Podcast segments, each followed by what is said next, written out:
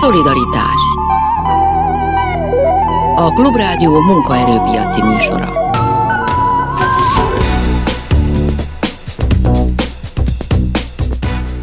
Jó napot kívánok, Sámesz János vagyok. A mai műsorban Farkas András, nyugdíjszakértő, a nyugdíjguru.hu alapítója a vendégünk, akivel, ahogy azt megszokhatták, nyugdíjakról, nyugdíjasok helyzetéről beszélgetünk, majd elsősorban önök kérdezhetnek nyugdíjakat érintő témákban a szakértőtől. Ezt megtehetik a szokásos telefonszámokon, mondom ezeket 061 24 06 953, illetve 061 24 07 953.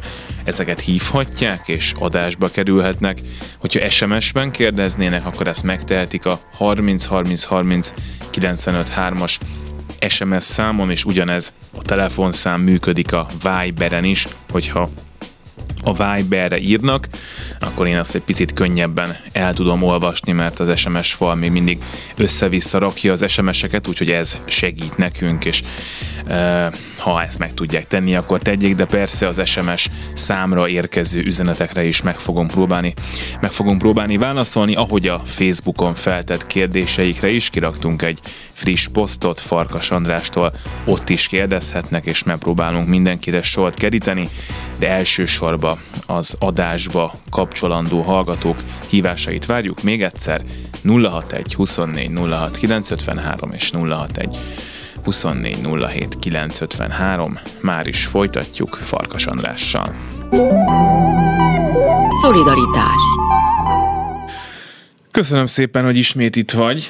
Köszöntöm a kedves hallgatókat, azon, gond, azon gondolkodtunk itt az adás előtt, meg az egyik kolléganőnk még, még rá is kérdezett nálad, hogy akkor mikor lesz már már nyugdíjemelés, mert már itt korrekció, már korrekció, korrekció. de hát azt, azt, a, azt a laikusként az ember azt, azt mondja, hogy akkor emeljenek már megint, és nagyon érdekes, mert hogy hát arra gondoltam, hogy igazán a törvény szerint ugye nem kéne, hogy legyen, de valahogy minthogyha mindenki természetesnek venni, és minthogyha a nyilatkozataidban azért te is hajlottál volna arra, hogy ez úgy valamikor nyáron azért lesz, most egyelőre, hát legalábbis a kormányzati kommunikációban nem, nem látszik ez, de, de pedig nyilván beleillene a megvédjük az inflációtól az embereket panelek közé, és tényleg segítene, alig, hanem nagyon sok emberen, szóval, hogy mire várunk.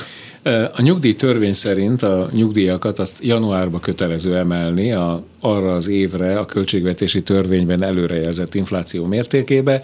Ezért emelték idén 2023. januárban 15%-kal a nyugdíjakat. Mennyit írtak bele a költségvetési törvénybe? Noha már akkor abszolút ismert volt például a Magyar Nemzeti Bank reális előrejelzés, ők azt mondják, hogy valahol 15 és 19,5 százalék között lesz éves szinten az infláció. A első negyedévi infláció meg 25 százalék fölötti rémületes magasságokban van még mindig. Ugye tudjuk, hogy ez például az Európai Unió átlaginflációjának a háromszorosa.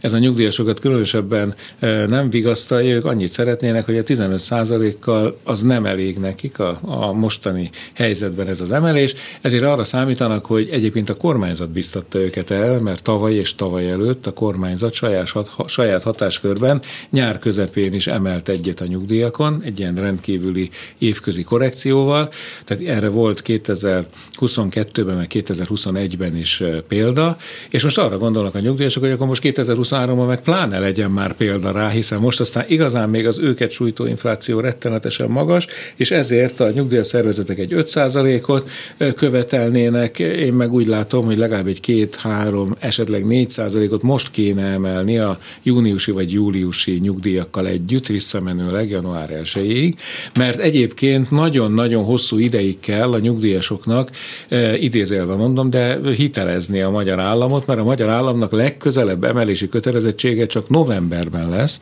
Novemberben akkor kell emelni, hogyha a ténylegesen mért infláció az magasabb lenne, mint a januári 15%-os emelés mértéke, ami meg megint egy nagyon kétélű fegyver lehet, mert ki tudja, hogy addig hogy alakul az infláció, és hogy a infláció mérése hogy alakul, mert akkor is még csak egy becslés alapján kell a korrekciót megtenni, hiszen a törvény szerint a január-augusztus hónapokban mért tényleges inflációból kikövetkeztethető éves infláció mértéke szerint kell a korrekciót meghatározni. Na rövidre fogva Szerintem nagyon indokolt lenne most júniusban vagy júliusban egy évközi rendkívüli korrekció is, minimum 2, maximum 5 százalékos mértékben. Éppen most jött ki béradat, amiből kiderül, hogy talán március és március között a reálbérek ilyen 5-6 százalékos csökkenést mutattak. Ezt meg lehet mondani a nyugdíjaknál? Mert ugye itt mindig egy évre vetítve beszélünk a nyugdíjemelésről, de az inflációs adatok azok mindig adott hónap és az előző év adott hónapjára jönnek ki, tehát nagyon könnyű azt mondani, hogy na most 26 százalék, holott a nyugdíjemelés csak 15 volt, tehát mennyire sokat vesztenek a nyugdíjasok, ami nyilván nem lesz matematikailag pontos, de meg lehet tudod de azt te most mondani, hogy most ebben az évben mondjuk a reál nyugdíj csökkenés az mennyit, az hol, hol jár? Ez azért nagyon nem, ugye ezek körte és alma összehasonlítása. A kereseteket, meg a nyugdíjakat, azt, azt külön kezeljük. A nyugdíjak esetében maga a törvény az azt garantálja, hogy a mindenkori elismert infla, éves infláció függvényében meg kell emelni a nyugdíjakat. Tehát elvileg a törvény szerint kizárt, hogy a, reál értéke csökkenjen a nyugdíjaknak, na de a szubjektív reál értéke az teljesen más, amit megél minden nyugdíjas minden nap, amikor bemegy az élelmiszerboltba. Ő valóban azzal szembesül, hogy a elkölthető nyugdíja sokkal kevesebb élelmiszerre vagy háztartási energiára elég, mint tavaly, pedig már tavaly is rémes volt az infláció, mert ne felejtsük el, hogy amikor az idén a csökkenő inflációt reméljük, akkor az a tavalyi őrületes infláció fölötti, még mindig magas infláció csökkenéséről beszélünk csak, tehát a nyugdíjasok ezt nagyon nehezen élik meg, egyébként minden dolgozó ember is nehezen éli meg, csak ott ki is tudjuk mutatni, hogy a reál bér az valóban csökkent 6,4%-kal most az első öt hónapban. Ez a idézőjelbe tett nyugdíj reálérték csökkenés az nem mutatható ki, hiszen azt mondom, a törvény előírja, hogy emelni kell a mindenkori infláció mértékével. Más kérdés, az inflációt hogy mérjük, melyik inflációt vesszük figyelembe, és hogy a nyugdíjasok ezt hogyan élik meg személy szerint. Kérdezhetnek, meg akár meg is írhatják nekünk, hogy hogy élik meg személy szerint a 30 30 30 95 3-as SMS, illetve Viber elérhetőségre a 061 24 06 953 és a 061 24 07 953-as telefonszámokra pedig várjuk a hívásaikat. Van egy hallgató a vonalban, hogyha minden igaz, hogyha hall minket, akkor hallgatjuk. Igen. Jó napot kívánok, Balázs Péter vagyok. Hat évvel ezelőtt mentem nyugdíjba, és az idén úgy döntöttem a veszteségek miatt, hogy visszalépek a magánnyugdíj pénztárból a TB nyugdíjba. Ezt az évelején meg is tettem. Március közepe táján a magánnyugdíj pénztáramtól a törvény által előírt összeget átutalták. A kérdésem az, hogy van-e nekem valami dolgom avval, hogy a, megváltozott a úgymond a nyugdíjas pozícióm, illetve ha nincsen, akkor mire számíthatok? Ha ön ezek szerint 2000 17-ben ment el nyugdíjba, ha jól értem. Így van. És így akkor van. nem lépett még vissza, tehát kapta, nem, kapta nem. az állami nyugdíjat, a csökkentett összegű állami így nyugdíjat, van. és mellette Igen. járadékot. A gondolom a horizontól már az az egyetlen, ami tud fizetni pénztári Nem, nem, nem, járadék, nem, nem járadékot kaptam, maradtam mag nyugdíjpénztári tag. És nem is kért semmilyen szolgáltatást ezek szerint? Nem. Jó? Nem. Ha még nem vett igénybe semmilyen szolgáltatást, és most úgy döntött, hogy visszalépett, és vissza is utalták az egyéni számláján Igen. lévő összeget, és önnek meg kifizették a kilépő tagot megillető juttatást, Igen. ami gyakorlatilag a reálhozam, Igen. akkor a nyugdíj megállapító hatóságnak, ilyen, most pontosabban a nyugdíj folyosítónak ilyenkor újra ki kell számítani az ő nyugdíját, mégpedig úgy, mintha sose lett volna magánnyugdíjpénztár tagja, tehát visszamenőlegesen a a nyugdíjba vonulása időpontjától, azt már nem tudják addig visszaszámolni, csak legfeljebb 6 hónapra visszamenőleg megállapítják úgy a nyugdíját, mint hogyha az teljes értékű nyugdíj lenne, tehát nem kell hozzá a magán nyugdíjpénztári tag szorzójával beszorozni, és ezzel csökkenteni uh-huh. a nyugdíj összegét. Tehát ezt automatikusan megcsinálják, önnek elvileg nem kell tennie az égvilágon semmit, visszamenőleg 6 hónapra már a magasabb összegű nyugdíjat kell, hogy megállapítsák. Ez nagyjából mennyi idő? Hát ezt én nem a hatóságnál dolgozom, úgyhogy tudom. nem tudom megállapítani. Elvileg a normál esetekben ez ilyen 10-15 nap szokott lenni, 60 nap a általános ügyintézésű határidő, úgyhogy... Az már letelt. Már letelt az is, akkor érdemes Igen. lenne fölhívni a nyugdíjfolyosítól. Értem. Érdemes fölhívni a nyugdíjfős és érdeklődni, mert nyilván kell akkor egy kis érdeklődő, sürgető ösztönzés, hogy megállapítsák az De az a lényeg, hogy ez automatikusan történik. Elvileg automatikus, így van. Igen, Igen. jó, rendben, köszönöm Kérem szépen. szépen. Viszont köszönöm, viszont. Nagyon szépen köszönjük, hogy telefonált a 061 24 06 953, illetve a 061 24 07 953-as telefonszámokra várjuk a hívásaikat. Remélem, hogy igaz, ami oda van írva, és van itt egy újabb hallgató. Ha ez így van, akkor parancsoljon, hallgatjuk. Hello! Halljuk Önt! Jó napot kívánok! Szeretném mondani, a, feltenni a kérdésemet. Adásban vagyok? Adásban van. Igen? Bizony. A szakértő úrtól szeretném elmondani, hogy én 2007 óta nyugdíjba vagyok. Öt diplomás építészmérnök, műemlékvédő szakmérnök, állami gazdatásokat dolgoztam, azt, abból is vizsgáztam, mérnök tanár vagyok, elmentem nyugdíjba, mai nap 127 ezer forint a fizetésem. Mit lehet ilyenkor még csinálni?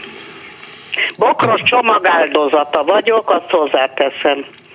Sajnos a nyugdíj újra számítás... Kicsit hangosabban, ha lehet, mert lezáratták velem a mobilt, és most egy fix telefonról, vonalas telefonon hallgatom az urat. Igen, hát a rövid válaszom nem tud tenni semmit. A hosszabb válaszom, hogy sajnos nem lehet újra kérni a nyugdíj számítását, amiatt, hogy korábban rosszabb körülmények között történt meg a nyugdíj megállapítása, például sokkal kisebb valorizációs szorzókkal, meg e, rosszabb keresetek alapján.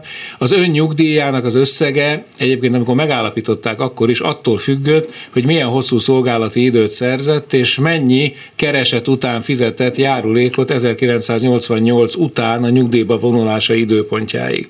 Ez az alapszabály azóta se változott, hogyha a nyugdíját ennek, ez alapján állapították meg, akkor nem lehet megtámadni a nyugdíj megállapító hatóságnak a határozatát, mert nem sértett jogszabályt. Tehát ön csak akkor tudja újra számítatni a nyugdíja összegét, hogyha tudja bizonyítani, hogy valamilyen jogszabályt sértett a hatóság, amikor kiszámolták az ön nyugdíját, például kihagyott 5-6 évnyi szolgálati időt, vagy nem vett figyelembe valamilyen keresetet, ami után ön fizetett járulékot. Ez jellemzően ennyi idő után, hiszen ön már elég régen nyugdíjas, nem valószínű, hogy ennek bármilyen esélye lenne, úgyhogy a nyugdíja összege csak az éves nyugdíjemelések mértékével emelkedhet, emellett sajnos túl sok jó hírrel nem tudok szolgálni.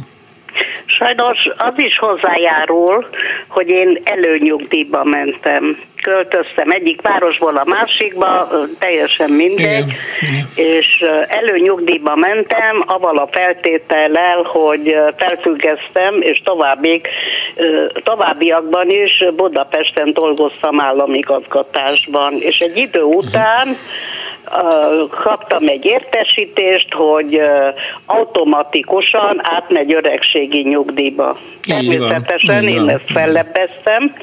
Egy kálváriát jártam a nyugdíjfolyósítónál, és elutasítottak hogy határidő túl kértem, a, vagy érkezett a fellebbezésem, ami nem felel meg a valósággal. Az én dossziémban saját kezemmel beírtam a, a borító ezt, belső Sajnos oldalára, ezt itt a rádión keresztül ezt nem fogjuk nem tudni igaz, megoldani. Annak dacára nem vették figyelembe.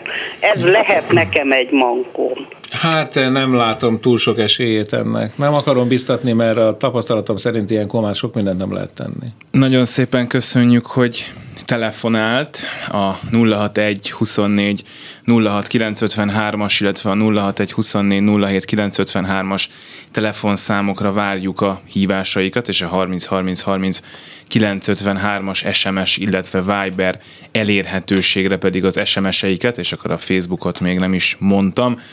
SMS-ben érkezett egy kérdés, üdvözlöm, édesanyám orvos, és kb. 10 éve nyugdíjas, ez idézőjelben van, de azóta is dolgozik teljes munkaidőben egy vidéki kórházban térprotézis műtétje lenne most rehabilitációs időszakkal ősszel, de a kórház személyzet is szerint 15 nap betegszabi után sem fizetés, sem nyugdíj nem jár majd neki, és táppénz sem. Igaz-e ez? kérdezi egy hallgatónk. Ugye az orvosoknak, meg a, egyetlen az egészségügyi dolgozóknak nagyon speciális a nyugdíj helyzete, hogyha valaki, eh, mondjuk az orvos betölti a nyugdíjkoratárát és igényli a nyugdíját, akkor azt megállapítják neki, de rögtön szüneteltetik is, hiszen ő egészségügyi szolgálati jogviszonyban dolgozik, és az egészségügyi szolgálati jogviszony fennállása időtartama alatt a nyugdíj nem fizethető ki, de hogy a, ne legyen forradalom az egészségügybe, ezért kitalálták azt a fából vaskarika meg megoldást, hogy oké, okay, nyugdíjat ugyan nem kaphat, de megkaphatja a nyugdíja összegével megegyező nettó összegű nyugdíjpótló jövedelem kiegészítést, amit külön kell igényelni egy másik költségvetési forrásból fizetik. Tehát ilyen esetben ő dolgozik, megkapja a normál orvosi illetményét, mellette pedig a nyugdíj összegével megegyező nyugdíjpótló jövedelem kiegészítést. Most, ha ő neki el kell mennie, idézélve mondom betegállományba, mert nincs betegállománya a nyugdíjasoknak, ugye akkor a nyugdíját azt folyosítja, a, a, az illetményét azt azért nem folyosítják, mert ő elment ö, nyugdíjba, tehát keresőkép, nem, nem nyugdíjba, bocsánat, keresőképtelenné vált, hiszen ő ö, ott van, és a csípő vagy térprotézis miatt nem tud dolgozni. A keresőképtelenség miatt nem kapja az illetményét, de kapja továbbra is a nyugdíját pótló jövedelemkiegészítést, viszont mivel nyugdíjas státuszban van, ezért ő a munkáltató által fizetett 15 nap betegszabadságon túl valóban nem jogosult táppénzre, mert a nyugdíjas az nem jogosult táppénzre, hiszen hiszen ő a nyugdíjára jogosult, ebben a speciális esetben nem a nyugdíjára, hanem a nyugdíjával megegyező összegű nyugdíjpótló jövedelem kiegészítésre. Rémületesen bonyolult az egész szisztéma, mindesetre jobbulást kívánok a kedves doktornőnek, mielőbb menjen vissza dolgozni az új protézisével. Ugye ez az SMS-ből nekem nem derült ki, hogy ő igényelte ezt a nyugdíj helyetti nyugdíjat, most így leegyszerűsítve mondom, de ha jól értem, akkor hogyha esetleg nem igényelte, akkor gyorsan igényelje. Hát egyrészt igényelje, vagy pedig szüntesse meg az egészségügyi szolgálati jogviszonyát, és akkor a nyugdíjat azt újra elkezdik folyósítani. De semmiképpen ne, ne, marad, ne maradjon nyugdíj vagy nyugdíjszerű ellátás nélkül. SMS számunk 30 30 30 95 3, a telefonszámaink 061 24 06 953, illetve 061 24 07 953, Falkas András nyugdíj szakértő válaszol a kérdéseikre, hát így pont a előző hölgy kapcsán jutott eszembe, hogy azért mennyien lehetnek, akik most ő azt hiszem valami 120 ezer forint, forint körüli nyugdíjat mondott, és nagyon-nagyon régen ment már nyugdíjba, szóval, hogy mennyien lehetnek azok, akik, akik tényleg így vannak, hogy valamikor egy ponton a fejükhöz kapnak, és azt, azt mondják, hogy hát akik most nyugdíjba mennek, azoknak kétszer ennyi a nyugdíjuk, mint, vagy mint nekem, vagy igen, háromszor ennyi, igen. és mi az Isten tudok csinálni. Ugye itt az, azt kell figyelembe venni, hogy a nyugdíj összege Magyarországon nem csak attól függ, hogy mennyi szolgálati időt szereztünk meg, mekkora keresetek után fizettük a nyugdíjárulékot, hanem attól is, hogy melyik évbe igényeltük a nyugdíjat. A mostanában, tehát minél későbbi évről beszélünk, jellemzően annál magasabb nyugdíjakat állapítottak meg, egész egyszerűen azért, mert az értékkövetési eljárásunk, ez a híres valorizáció, ez mindig az elő, a nyugdíj megállapítás évét megelőző év nemzetgazdasági nettó átlagkereseti szintjének a növekedését tükrözi, és hogyha emelkednek ezek a nettó átlagkeresetek, már pedig emelkedtek az elmúlt években, akkor az megnyomja a megállapított nyugdíjaknak az összegét is ezért a régebben megállapított nyugdíjaban részesülők nagyon rosszul érezhetik magukat. Erre egyébként egyfajta, én folyamatosan teszem a javaslataimat, hogy egy valorizációs, korrekciós emelési mechanizmus is ki kell dolgozni, vagy magában nyugdíjemelési eljárásban külön figyelemmel kell lenni a megállapítási évjáratokra is, hiszen mondjuk akinek 2002-be, 2010-be, 2008-ba állapították meg a nyugdíját, az ő nyugdíjuk azok a bizonyos elszegényedési csúszda miatt, amiről szintén mi itt már sokat beszélgettünk, amiatt relatíve egyre kisebb az ő nyugdíjuk értéke, és ezért csúsznak csúsznak bele abba, hogy egyébként korábban akár több diplomás és viszonylag jól kereső embereknek a nyugdíja is, a régen nyugdíjasok nagyon lecsökkent. Nem véletlen, hogy Magyarországon most 500 ezer nyugdíjasnak nem éri el a nyugdíja a 100 ezer forintot.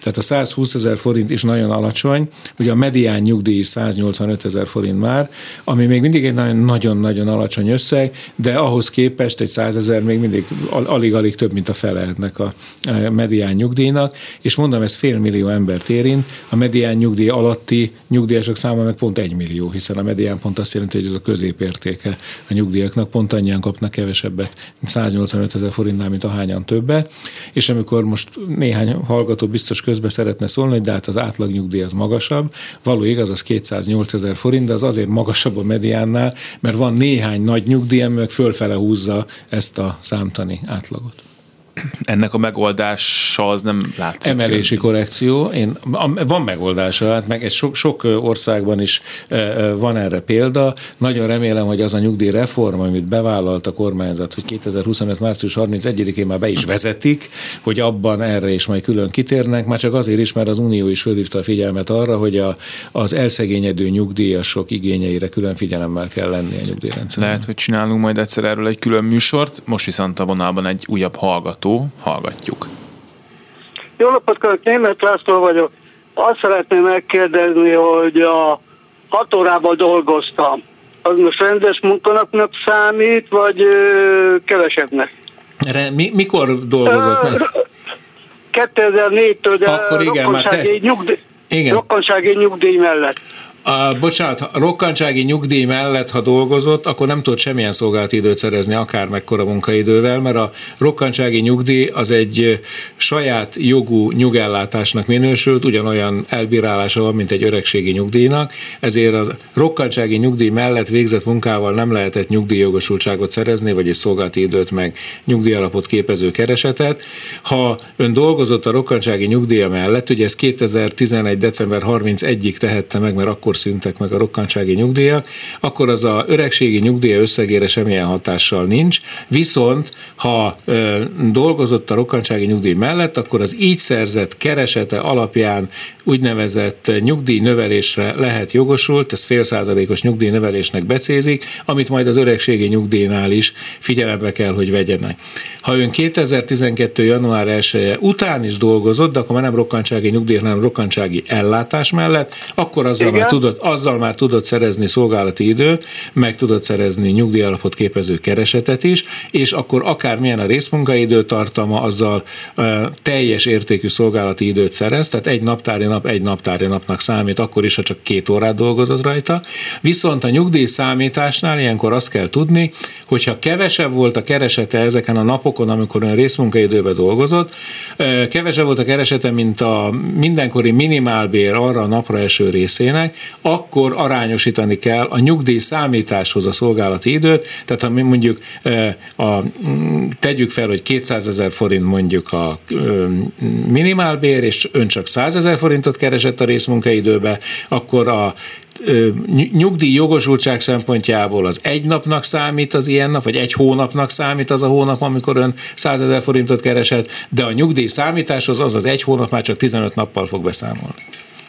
Aha. Nagyon egyszerű a számítás, mint látja, borzalmasan bonyolult és komplikált, de lényeg az, hogy a jogosultságát azt, azt pörgeti a, a részmunkaidő is, és csak akkor kell figyelni arra, hogy ez most vajon csökkenti a átlagkeresetét, vagy nem, hogyha kevesebb volt a minimálbérnél az adott időszakra hát, szóló kereset. Hát, mivel hat órában dolgoztam, kevesebb volt.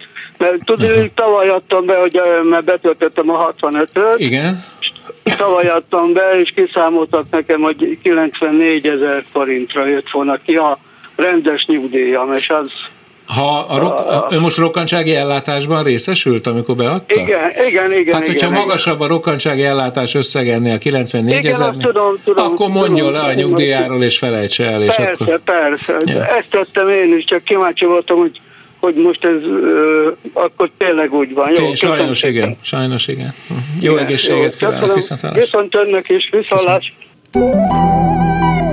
Szolidaritás Farkas András nyugdíjszakértő, a nyugdíjguru.hu alapítója a vendégünk, és nyugdíjakkal kapcsolatos kérdésekre válaszol még a következő fél órában is, a 061 24 06 953, illetve a 061 24 07 953-as telefonszámokon, valamint a 30 30 30 95 3-as SMS és Viber elérhetőségen várjuk a kérdéseiket.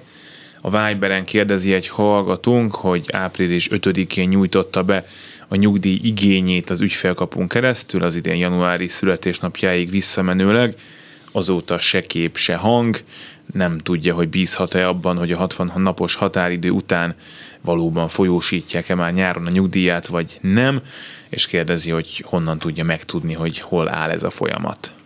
Be kell mennie az a legegyszerűbb a kormányablakba, és érdeklődjön sürgesse, hogy hol áll az ügye. Elvileg tartják a, a törvényben meghatározott ügyintézési határidőt a nyugdíj megállapító hatóság munkatársai. Itt azt kell tudni, hogy a, ebbe a bizonyos általános 60 napban nem számít be például az, hogyha valamilyen időpontot tisztázni kell, vagy valamilyen keresetet tisztázni kell, vagy valamilyen járulékfizetéssel nem fedezett időszaknak a megítélése kapcsán vita van.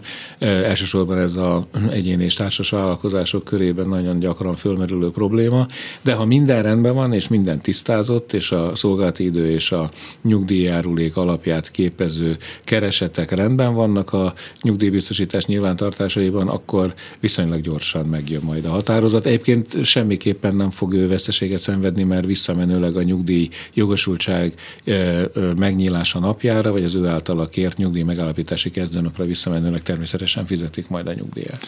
Másik hallgatónk a Facebookon azt kérdezi, hogy, hogy megoldható-e az valahogy valaha, hogyha ő úgy érzi, hogy bizonyos években az infláció végül magasabb lett, mint a nyugdíjemelés. Ugye azt szokták mondani, hogyha novemberig számolják, akkor utána ott elvész néhány tized százalék, akkor ezt valahogy vissza lehet-e kapni majd? Hát ez nagyon jó a kérdés.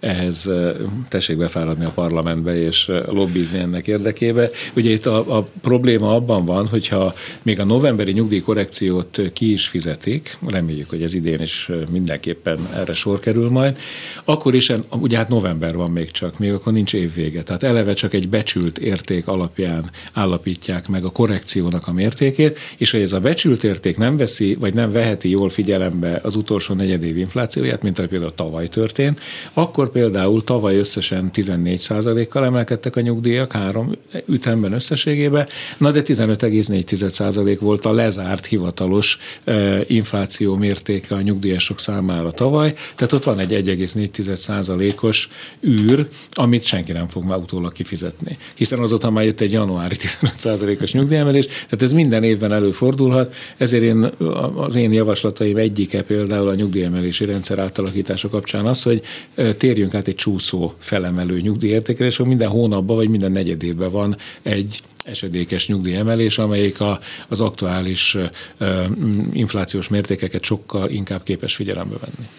A vonalban van egy hallgató, hogyha hall minket, akkor parancsoljon. Jó napot kívánok, Antal Zoltán vagyok. A kérdésem a következő lenne. A múlt hónap 22-én töltöttem be a 65. életévemet, és én ö, rokkant nyugdíjas voltam.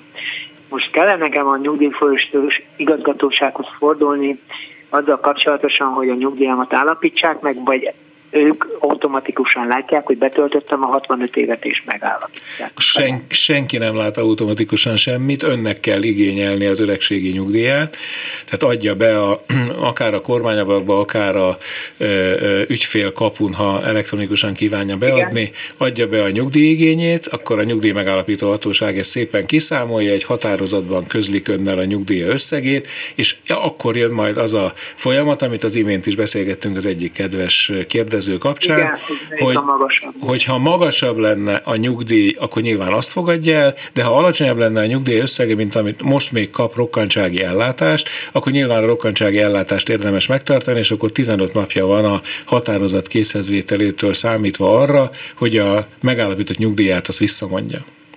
Rendben van, nagyon szépen köszönöm kérem szépen, a Kérem szépen, jó egészséget, viszont hallás. Köszönjük szépen, hogy telefonált a 061 24 06 953 és a 061 24 07 953-as telefonszámokra önök is írhatnak, illetve hát önök is hívhatják ezeket, és bekerülhetnek a műsorba. Azt kérdezi egy hallgatónk, hogy mivel indokolható az, hogy az özvegyi nyugdíj nem jár folyamatosan abban az esetben, hogyha még nem nyugdíjas az életben maradt fél, az ő férje tavaly áprilisban halt meg, alig egy év nyugdíjas élet után, ő csak 15 év múlva megy nyugdíjba, viszont kéne neki az a pénz, ami most hiányzik a háztartásból. Igen, a üzleti nyugdíjjal kapcsolatban nagyon sok a félreértés. Ugye, itt azt kell tudni, hogy több fázisa van az özvegyi nyugdíjnak. Az, ami mindenképpen, vagy majdnem mindenképpen jár, tehát az esetek óriási többségében jár, az úgynevezett ideiglenes özvegyi nyugdíj. Ez, ha a mm, házastársunk, élettársunk halálától számított egy évig jár alapesetben, e, ez nyilván a kedves kérdező is megkapta ezt az ideiglenes özvegyi nyugdíját, és pont pont azért érdeklődhet, most már letelt az özvegyi nyugdíj, hát az egy évig járt neki. Ut, ez az, özvegy, az ideiglenes özvegyi nyugdíj egyébként annak a nyugdíjnak a 60%-a, ami az elhunytat megillette, ha már nyugdíjas volt, vagy megillette volna, ha még nem volt nyugdíjas, mert akkor megállapítanak egy képzetes nyugdíjat, és annak a 60%-a az ideiglenes özvegyi nyugdíj. Ezután jön a gond, ami főleg a hölgyeket érinti, mert az összes özvegynek 94%-a hölgy, sajnos, vagy hát a nők szempontjából, a mi szempontunkból sajnos férfiak szempontjából. Tehát lényeg az, hogy a 94 százaléka a hölgyek, az özvegyeknek az hölgy, és az ő igazi gondjuk az, hogy az ideiglenes özvegyi nyugdíj megszűnése után csak három esetben élethet föl az özvegyi nyugdíj. Tehát akkor lehet már hosszan kapni. Ebből az egyik az, hogyha vagy a, a házastárs halálakor, vagy azt követő tíz éven belül az özvegy is betölti a ráirányadó nyugdíjkorhatárt, ezek szerint itt ki fog futni ez a kedves kérdező, tehát az életkor alapján nem fog föléredni az özvegyi nyugdíja.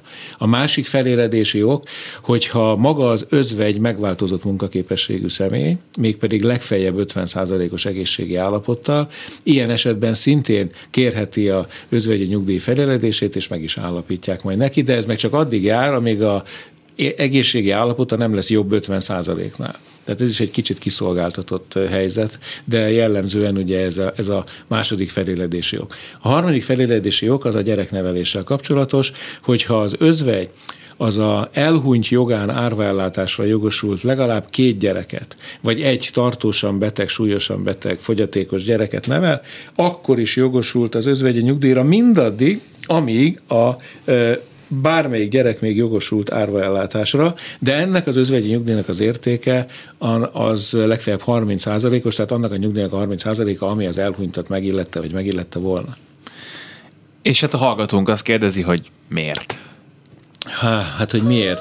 A, a, a hozzátartozói nyugellátás az azt jelenti, hogy nem én szerzem meg a nyugdíjjogosultságokat, és amiatt megkapom a saját jogú egyéni nyugdíjamat, ami az én öregségi nyugdíjamat, vagy a hölgyek esetén akár a nők kedvezményes nyugdíját, hanem a párom jogosultsága alapján kapok meg egy részesedést abból a nyugdíjból, ami őt megillette, vagy megillette volna és ennek a szabályozása az egyébként világszerte ilyen, tehát sehol nem jár úgy, hogy a, a elhunyt valaki, és akkor odaadjuk a nyugdíját a házastársának, mindenhol szigorú szabályok és keretek között állapítják meg az özvegyi nyugdíjat. Ha belegondolunk egy kicsit történetileg, az egész özvegyi nyugdíj azért született meg annak idején, nem, nem régi az egész jog, alig több mint száz éves az özvegyi nyugdíj, mert akkor az volt a jellemző, hogy egy darab családfenntartó volt, aki dolgozott, jellemzően a férfi, a feleség otthon volt a gyerekekkel, és hogyha kiesett a férfi, mert meghalt, akkor tényleg rettenetes helyzetbe került a, az otthon maradt és bevétel nélkül maradt anya, és emiatt találták ki az özvegyi nyugdíjat. Ma már elvileg ez a típusú nyomás, ez már csak korlátozva érvényesül, ráadásul eredetileg a férfiak nem is kaphattak volna özvegyi nyugdíjat, pont azért, mert a nőkre volt kitalálva, hogy az ő helyzetüket enyhítse. Úgyhogy ez egy a törvényi szabályozás szigorú korlátozásai részben érthetőek, részben közben meg én mindig azt mondom, hogy ha valaki nincs ezzel megelégedve, akkor tessék lobbizni és megváltoztatni a törvényt. Ugyanebben a témában egy kérdést. Az kérdés az élettársam 60 évesen elhunyt, ha nem voltunk hivatalosan élettársak, de 8 évet együtt éltünk, az én lakásomban be is volt ő oda jelentve, akkor járhat-e nekem özvegyi nyugdíj? Ugye a élettárs az, az nem hivatalos viszony, tehát nem, nincs olyan egy hivatalos élettársi viszony. Arra gondol esetleg, hogy be lehet ezt jelenteni, a közjegyzőnél van egy élettársi nyilvántartás, meg az azonos neműeknél van egy speciális jogintézmény, de a különböző nemű párok, azok természetesen ők is elmehetnek a, egy ilyen közjegyzői nyilvántartásba bejegyzésre, de hogyha ez nem történt meg, akkor jellemzően elég a közös lakcímkártya, uh-huh. mert az arra utal, azzal, hogy ők valóban e, élettársként együtt éltek, tehát közös életük volt. Viszont a özvegyi nyugdíjra csak akkor jogosult egy élettárs, ha legalább tíz évig tartott ez az élettársi viszony, vagy, vagy van közös gyerekük. Ha nincs közös gyerek, akkor kell a tíz év, de itt meg nincs tíz év a kérdésben, csak nyolc év, úgyhogy sajnos nem fog kapni az özvegyi nyugdíjat. Tehát a nyolc éves együttélés az, az nem kevés. elég, ha tíz, csak nem, tíz volt, év kell. nem volt gyermek. Ha közös gyerek van, akkor járhat. Aki még kiskorú. Az tök mindegy milyen. Hát mert, mert korábbi ez, mert akkor ez egy jó bizonyíték. Hányszor van olyan, hogy régi kapcsolat, szétmentek, új házasság, mindenfélek, aztán újra összejöttek az eredetivel, ilyenkor is ugyanúgy lehet élettársi viszony. Tehát a jog, jogalkotó arra gondolt, hogy próbált lefedni minden ilyen esetet, de az alapszabály, hogy élettárs, az legalább tíz éves együttélés. Ne adj Isten, hogy ez mostanában kérdés legyen, de most eszembe jutott, hogy az én szüleim sem házasok, viszont van közös gyerekük, meg együtt élnek 30x éve, hát akkor... Minden szempontból nem, jogos, nem de, ne legyen, de ne legyen erre szükség. Nagyon Egy ha, hallgatónk a 30 30 30 95 3 azt kérdezi tőlünk, hogy jelenleg az öregségi nyugdíj összege mennyi jelenleg itt, ez, ez, ez az alapnyugdíjra gondol szerintem, hogy ez 28.500 forint-e? Az a minimál, a minimál nyugdíj, ez az öregségi nyugdíj minimális összege, de ennek az égvilágon semmi jelentősége nincs a nyugdíjrendszerben. Ez jellemzően ma már akkor fordul csak elő, hogy ehhez a szabályhoz nyúlnak, hogyha valakinek van külföldi jogviszonya is, tehát több helyről, több országból kapja a nyugdíját. A magyar relevanciája ennek már régen sokkal kisebb, mint amekkora hírverés lehet körülötte csapni. E, nem véletlen, hogy az igazi probléma ez mindig az volt, hogy egy sor e, szociális ellátás volt a minimál nyugdíj összegéhez kötve, de ezt azóta átnevezték szociális ellátási alappá, tehát a nyugdíjrendszerről leakadt ez a probléma. E, egyébként a magyar nyugdíjrendszernek érdekes sajátosság, hogy sem minimum, sem maximum nyugdíj nincsen benne. Ez a minimál nyugdíj, ez csak a teljes nyugdíjra vonatkozik, ennek is van egy sor feltétele, de igazán a, ami problémát okozhat a jövőben, az nem a minimál összeg, hanem a maximuma nincs a nyugdíjnak, hiszen megszűnt 2013-tól a úgynevezett járulékfizetési felső küszöb, vagy járulékplafon. Emiatt egy csomó olyan nyugdíjváromány is kialakulhat azoknál, akik nagyon sokat keresnek, és sok pénz után mhm. adóznak. Ugye nagyon sok ilyen multi vagy nagyvállalati vezető tartozik ebbe a körbe, vagy olyan vállalkozó, aki sok pénzzel jelenti be magát, és az ő nyugdíjuk az meg nagyon magas lesz emiatt, és mivel nincs maximális nyugdíj összeg, mint például van a spanyoloknál, meg még egy jó pár országban, ezért nekik lehet, hogy olyan magas lesz a nyugdíjuk, hogy majd az lesz a gond, hogy azt vajon hogyan lehet meg kitermelni akkor, hogy ki lehessen fizetni a magas nyugdíjakat. Tehát az, hogy a nyugdíjrendszerben bárhova nézünk, mindenhol, ha kihúzzuk az időben, akkor látszik, hogy mindig problémás lesz valami, és a, a nyugdíjtervezés művészet az pont abban rejlik, vagy a nyugdíjreform megalkotásának a művészete, hogy mindig a lehető legkisebb problémát okozó utakat válasszuk ki. Telefonszámaink, még van bő 10 percünk, 061 24 06 953 és 061 24 07 953, hogyha adásba kerülnének és kérdeznének Farkas Andrástól nyugdíj ügyekben, akkor azt megtehetik ezeken a telefonszámokon.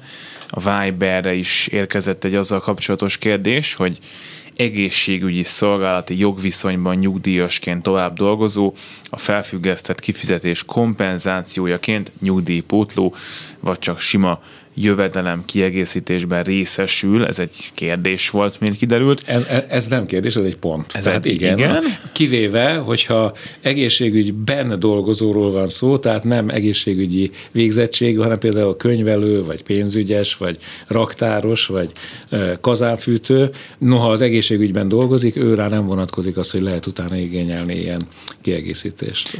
És azt is kérdezi, hogy 13. havi nyugdíj ilyen esetben jár-e, és ezt az eljárást milyen jogszabály, rendelet, stb. határozza? A, vagy ez egy nagyon kényes kérdés, és nagyon jó is, hogy elhangzott ez a kérdés. A törvény azt mondja, az egészségügyi tevékenységről szóló törvény szabályozza ezt a jövedelempótló, vagy nyugdíjpótló jövedelem kiegészítést.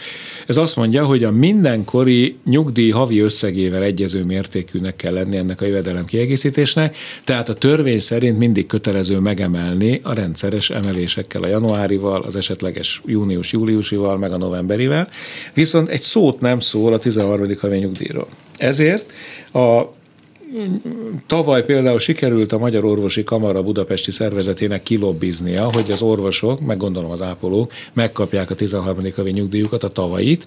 Az ideiről még egyelőre semmi hír nincs, hiszen maga a törvény nem írja elő, hogy bele kell foglalni a 13. havi nyugdíjat is a jövedelem kiegészítésbe. Az én személyes meggyőződésem, hogy de igen, bele kell foglalni, hiszen ez mindent nyugdíjas megillető juttatás, és hogyha az orvos vagy az ápoló nem áldozná föl magát és dolgozna a nyugdíja mellett, akkor ő megkapná a 13. havi nyugdíját is. Remélhetőleg ez sikerül ismételten kilobbizni, de valójában az egészségügyi tevékenységről szóló törvénynek ezt a rendelkezését kéne módosítani, hogy kiterjedjen a 13. havi nyugdíjra is. A vonalban, hogyha minden igaz, egy újabb hallgató, hogyha hall minket, akkor hallgatjuk, parancsoljon. Kérlek, Mihály vagyok Dorogról. Azt szeretném megkérdezni, hogy a ledolgozott külföldi évek után is jár ez a bizonyos 2%-os szorzó. Évenkénti 2%-os szorzó. Egy pillanat, ezt pontosítsuk egy kicsit. A 2 az 40 év után jár, tehát hogyha 41 év, 42 százalék, 42 év, 44. Erre gondol, tehát a szolgálati évek utáni szorzószám? Igen, igen, igen. Lehet, nem, nem jól mondtam, mert igen. nekem 42 éven van Magyarországon, és 7 hetes éven van Szlovákiában. Tehát összesen 49 éve van, ugye, ha jól igen, értem? Igen, igen, igen. igen, Na, igen. ilyenkor az Európai Unió koordinációs rendeletei alapján számítják ki a nyugdíját, és ez úgy, e, e, e, ennek alapján kettő számítást hajt végre, mind a szlovák, mind a magyar nyugdíj megállapító hatóság.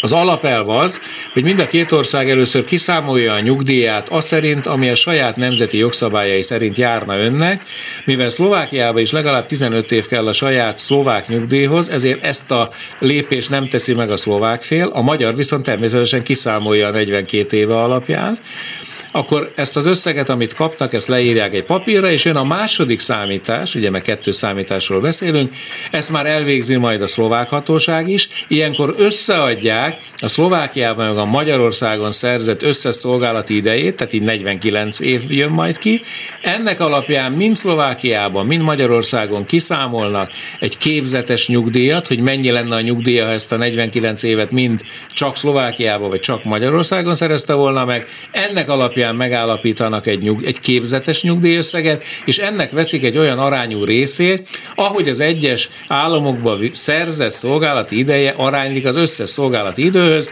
tehát a Szlovákiában egy 942-es szorzó, 949-es szorzóval, Magyarországon meg egy 42-49-es szorzóval szorozzák be ezt a képzetes nyugdíjösszeget, remélem még tud követni, és a így kiszámolt nyugdíjak közül Magyarországon a magasabb összeget kapja meg, Szlovákiában meg pedig ezt a proráta nyugdíjösszeget kapja majd meg. Hát én akkor azért láttam 84 ot mert csak a 42, 42 évet. Az az egyik számítás, és hogyha az magasabb összegre jött ki, mint ez a proráta, időarányos e, e, Európai Uniós számítás, akkor a 42% után kapja a magyar nyugdíját. De ellenőrizze, hogy a kettő számítás végrehajtották-e, és hogy az valóban a másik proráta nyugdíj az kisebb összegű lett volna-e. Rendben, rendben, rendben.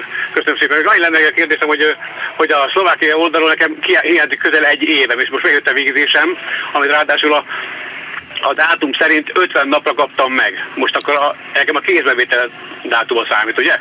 Ezt most nem egészen tudom követni, hogy mi a kérdése. Március, március 24-én lett kitöltve, vagy lett meghozva a határozat. A melyik, melyik, melyik, melyik határozat? Hát a, a nyugdíjvéle, nyugdíjvéle. A magyar vagy a szlovák? Hát egybe a kettő, szerintem. Tehát a magyar hatóságtól kapott egy megállapítás, és abban benne volt mind a két nyugdíja, azt nem lehet. Hát pedig így van benne, és akkor ráadásul az, hogy március 24-én lett kiállítva, és akkor kis hölgyel hát ment egy vita, mert, mert én nem kaptam csak május 15-én, tehát közel 50 napra rá. Aha, aha.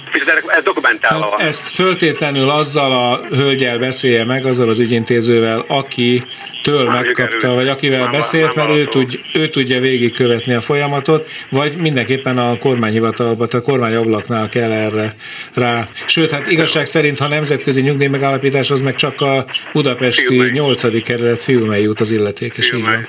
Így van. Oké, rendben, rendben. Kérem Köszönöm szépen. szépen. Viszont hallásra. Viszont hallásra.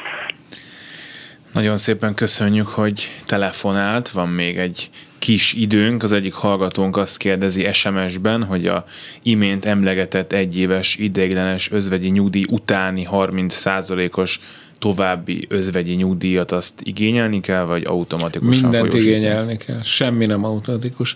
Mindent igényelni kell, a öregségi nyugdíjat, özvegyi nyugdíjat, az ideiglenest is, meg a feléledését is.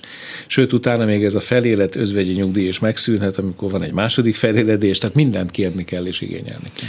Van egy hallgatónk, aki alig, ha nem egy hölgy, és azt írja, hogy 57 éves most, 17 éves korától van munkaviszonya, hol kérheti a nyugdíj számolást, és honnan tudhatja meg, hogy jogosult-e már. Hát, gondolom, hát elő, először azt kell megtudnia, hogy jogosult-e már. E, ehhez menjen föl a magyarország.hu honlapra, ott a nyugdíj fülön belül megtalálja a hatósági bizonyítványok adategyeztetés alfülön belül azt a, nyomtatványt és a hozzátartozó leírást, hogy a nyugdíjbiztosítási nyilvántartásba bejegyzett adatokról kérhet hatósági bizonyítványt, ezt kérje ki, ebbe benne lesz napra pontosan, hogy mennyi szolgálati időt szerzett, mennyi nők kedvezményes nyugdíjára jogosító időt szerzett, azon belül mennyi munkával szerzett szolgálati időt szerzett, és ezeknek az az adatoknak a birtokába tudja eldönteni, hogy mikor eh, jogosult a nők kedvezményes nyugdíjára. A vonalban pedig van még egy hallgató, parancsoljon. Uh, jó napot kívánok, engem hallanak? Halljuk. Uh, üdvözlöm Önöket, és nagyon örülök, hogy ennyire jól tudják tájékoztatni a úgymond szabvány állampolgárokat. Három dolgot szeretnék mondani. Az egyik az, hogy én tavaly mentem nyugdíjba, és hát a Hírmei úton maximális korrektséggel találkoztam, tehát tényleg igaz, hogy délután mentem, mindig pár perc alatt bejutottam, és kiszámoltak egy normális díjat. Na, Örömmel hallom. Pont. Örömmel hallom. Igen. Nem, tényleg ez volt, pedig hát nem volt egyszerű az életem. A második dolog pedig egy kérdés lenne, hogy a feleségem pedagógus jövő februárban lesz 65 éves, és kérdés az, mert neki a kolléganői úgy tájékoztatták, hogy hát ő nem mehet évközben nyugdíjba, hanem majd évvégig végig kell csinálnia, stb. stb. Hogy pedagógusok esetében van egy ilyen ez most azért nem szívesen válaszolnék rá, mert éppen most van az egyeztetés még a pedagógusok státusz törvénye kapcsán, ami még ki tudja, hogy milyen végleges szabályokat fog meghatározni a nyugdíjba vonulásra. Mindenesetre, hogyha az ön felesége ragaszkodik hozzá, akkor ő mindenképpen lemondhat, jelen pillanatban ugye közalkalmazotti jogviszonyáról, két hónapos lemondással.